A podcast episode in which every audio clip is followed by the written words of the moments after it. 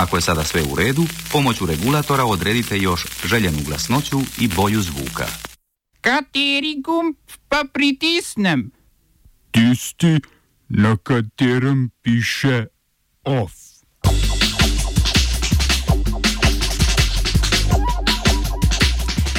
Nemška kanclerka in francoski predsednik z novim predlogom za oživitev evropskega gospodarstva. Gregor Židan iz SMC-ja med socialne demokrate. Odstopil premijer Lesota Tomos Tabane. V kulturnih novicah Vasko, Vasko, a si doma, pošta zate je prišla.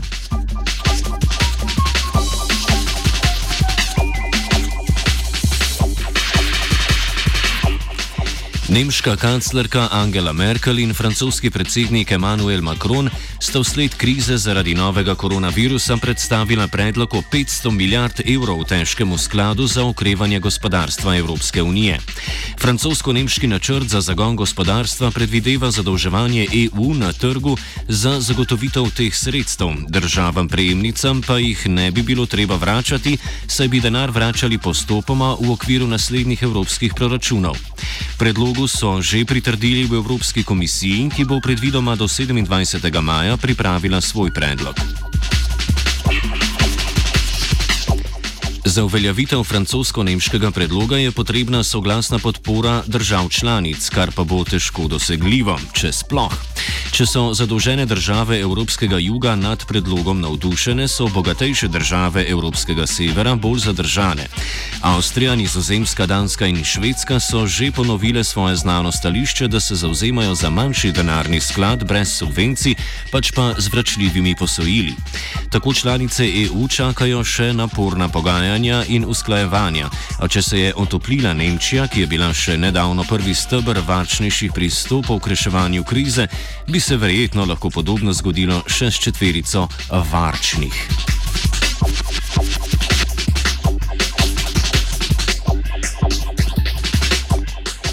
V spodnjem domu francoskega parlamenta je stranka Emanuela Macrona naprej republika izgubila absolutno večino.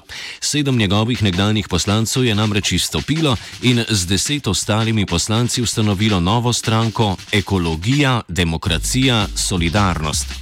Tako ima stranka Naprej Republika le še 288 poslancev, kar je en poslanec manj od absolutne večine. V začetku jih je imela stranka sicer kar 314.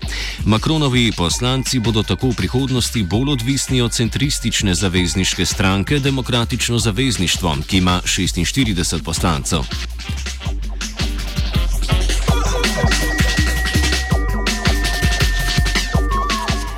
Nemško ustavno sodišče je ugodilo pritožbi skupine novinarjev, da nemški obveščevalci ne smejo nadzorovati in pregledovati internetnega pretoka tujcev v tujini.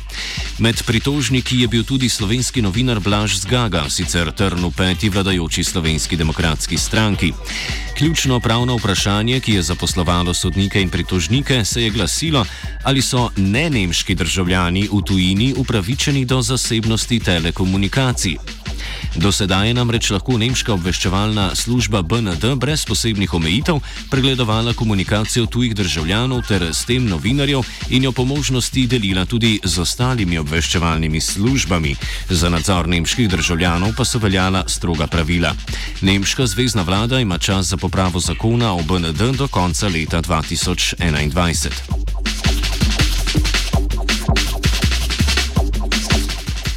Potem, ko je že dlje časa kljuboval pritiskom zaradi domnevne upletenosti v umor svoje nekdanje žene, kar je sicer večkrat zanikal, je odstopil ministerski predsednik Lesota Tomas, Tomas, Tomas Tabani. Že pretekli teden je razpadla njegova koalicija, razočarana zaradi počasnega umika Tabaneja z političnega parketa, saj je ta odhod napovedoval že dlje časa. Njegova stranka All Basoto Convention je z opozicijsko stranko demokratov že predlagala novega ministerskega predsednika in sicer aktualnega finančnega ministra Magecija Majoroja.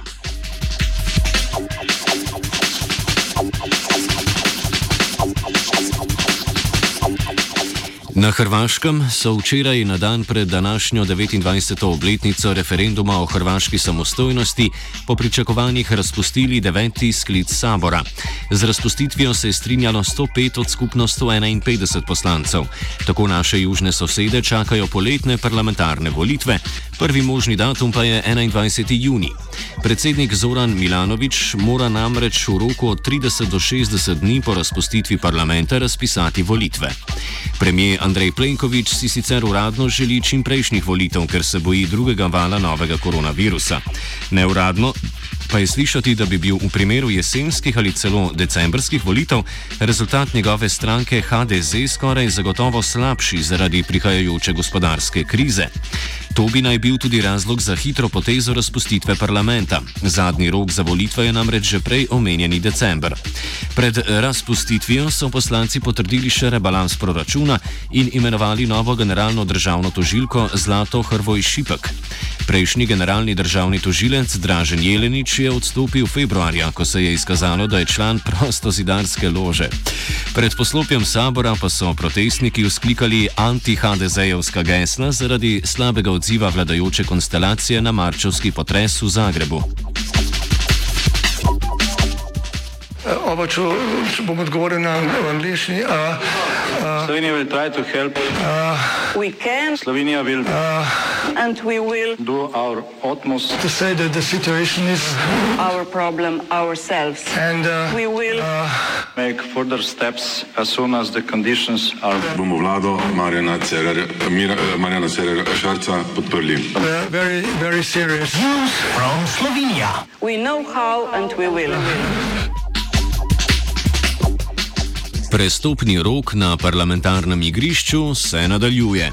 Potem, ko je SMC-evo potapljajočo se barko zapustil Jani Möderndorfer, ki je prestopil LMŠ, se je za odhod odločil tudi nekdani nogometaš Gregor Židan.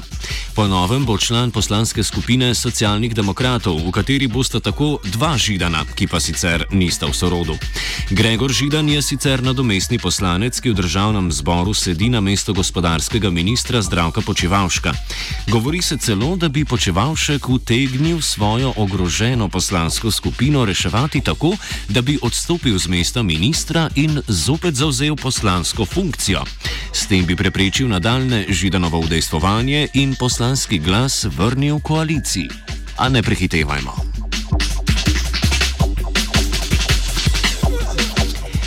Karabinjeri iz Gorice so zaradi nedovoljenega prometa z odpadki pridržali šest oseb, ki naj bi s temi odpadki upravljale. Želani so sicer zasegli skladišče v Mošu. Med drugimi pa naj bi bile v nezakonitem obtoku odpadkov tudi smeti iz borovnice v bližini Ljubljane.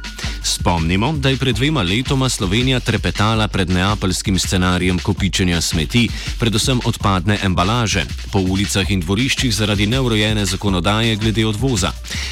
Dečki niso hoteli zaslužiti, samo pomagati, drugače bi na odvoz odpadkov čakali do božiča, ljudje pa umirali. Off je pripravil Urh.